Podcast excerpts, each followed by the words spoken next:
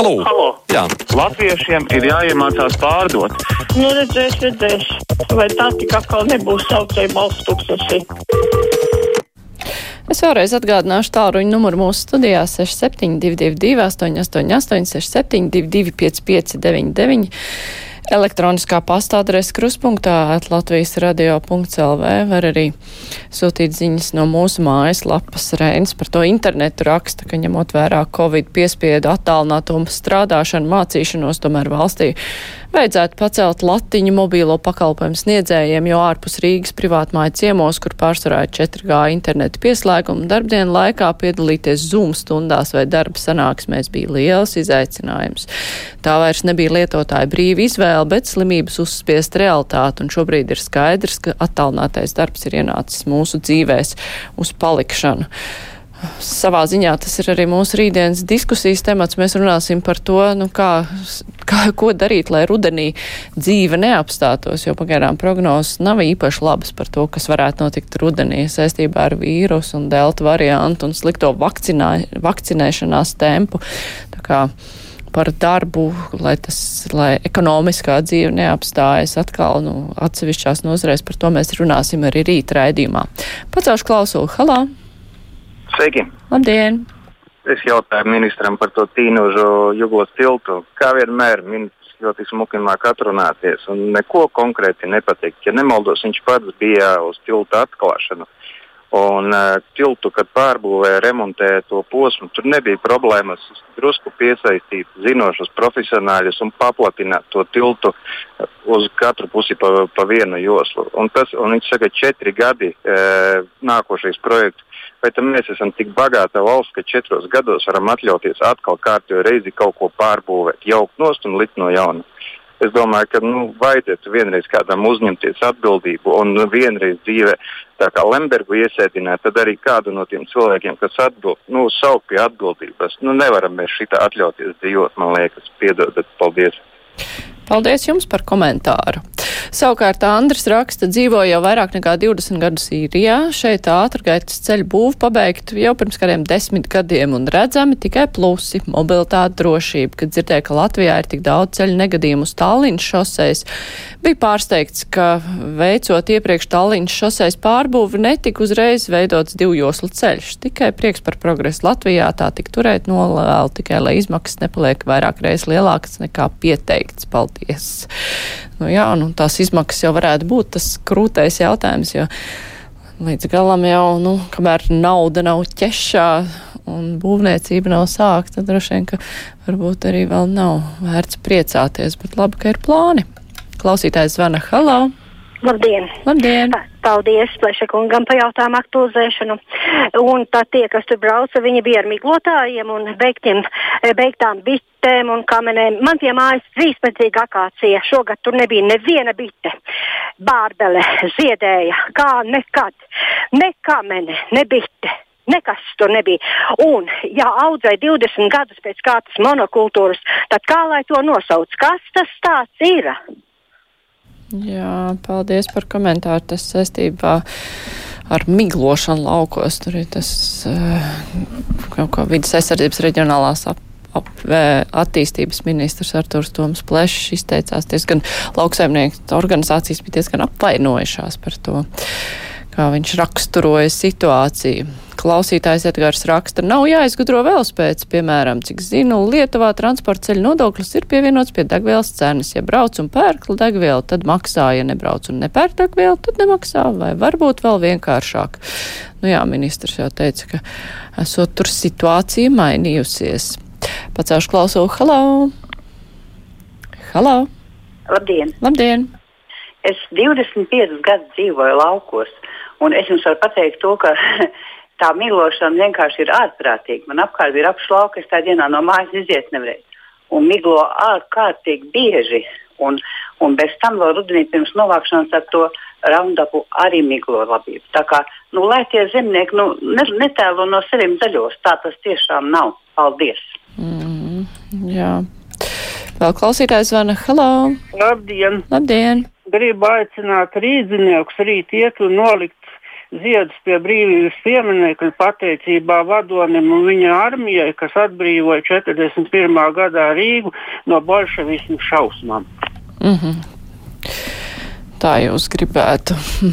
Klausītājs raksta, pensionārs zvanīja par to auto nodokli. Jautājums, ko tad ministrija dara, ja šādu pensionāru loģisku jautājumu ministrija nevar pārvērst likuma izmaiņu priekšlikumā, lai juristi un ekonomisti strādā. Atbilde nebija nekāda un tukša runāšana bez iniciatīvas. Tā mums raksta klausītājs Kristaps. Savukārt Sanita saka tā, nu, ja redz, ka miglo, tā eit un parunājiet. Ja nerunā, tad zvaniet attiecīgām iestādēm, nevis uz radio. Es domāju, ka cilvēki jau zvana gan arī un runā ar tiem miglotājiem tikai tos lēmumus par miglošanu parasti pieņem ne jau tas miglotājs, kuram ir samaksāts iet un darīt, un tur jau nekādas sarunas nesenāk, bet, nu, protams, jā, jārunā ir uz vietas, ja izdodas pieķert, nevis tikai konstatē posts faktumu, ka kaut kas ir noticis, panākt, piemēram. Klausītājs zvana. Halo! Es nepaspēju sazvanīt, vai nepaveicās. Es gribu pateikt paldies transporta direkcijai, jo tas savienojums ar autobusiem un vilcieniem, ja uzraksta un sazvanās ar viņiem, tiek uzklausīts. Un, un tas tā ir bijis, braucot uz vidzemes pusi, es neminēšu konkrētu maršrutu. Un otrs, jūs šodien, otrdienas raidījumu esat ļoti labi mainījuši šo krustpunktu.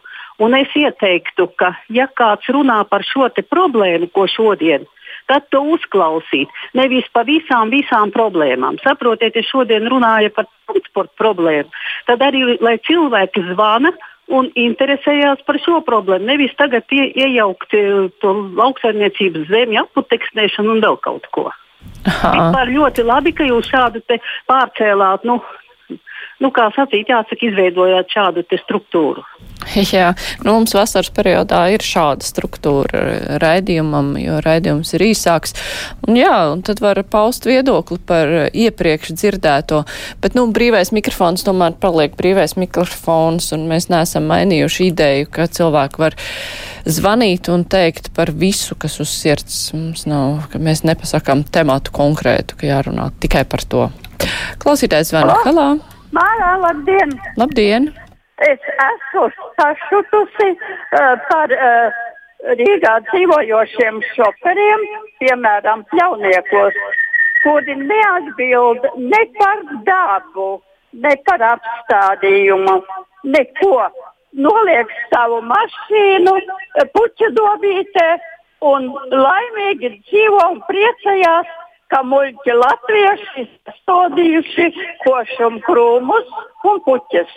Pat tā ir Rīgā. Hm. Nu, ja jūs redzat, eh, ka ir nolikt mašīna puķu dobē, jūs jau varat zvanīt pašvaldības policijai un teikt, ka puķu dobē ir nolikt mašīna, jo tas vispār ir aizliegts. Tajā skaitā arī privāta māja pagalmos, jo ir vietas, kur ir brauktuve un ir vietas, kur ir zaļā zona. Klausītājs zvana. Halo! Jā, halo! Labdien! Labdien! Sakiet, lūdzu, man tāds jautājums. Tas Stahānaviešu tiltu uztraktēja. Bet, lai ar velosipēdu pārbraukt par to Stahānaviešu tiltu, tur nav iespējams. Tur uztaisīts ir līdz, un tad velosipēds jānes uz augšu un uz leju ar rokām. Nu, kas tas ir? Mm, Diez, kas nav. Klausītājs vēl zvana. Halo! Halo. Labdien! Nu, gribēju komentēt sakarā zaļzemniekiem ar miglošanu.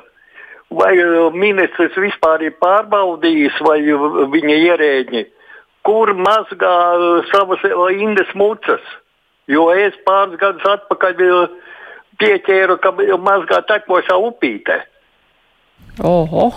Jā, Nu, tu- ūdeni visu laiku ņem no strautiem, no uh, dīķiem.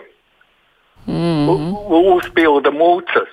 Bet tieši pa mazgāšanu pa, vēl pasaka, ka nav inda pilnīgi putoja. Ūdens. Oho, nu tur jau arī ir. Uzņēmu un zvanīju vietējam nu, vidas dienas pārstāvim. Tur vispār un pašvaldības policijā vispār nulle. Neviens nenorēģēja, neviens Nē. neatbrauc. Neatbraukt. Jā, nu par to arī tad ir jāziņo tālāk, tai pašai ministrijai izstāstiet faktus.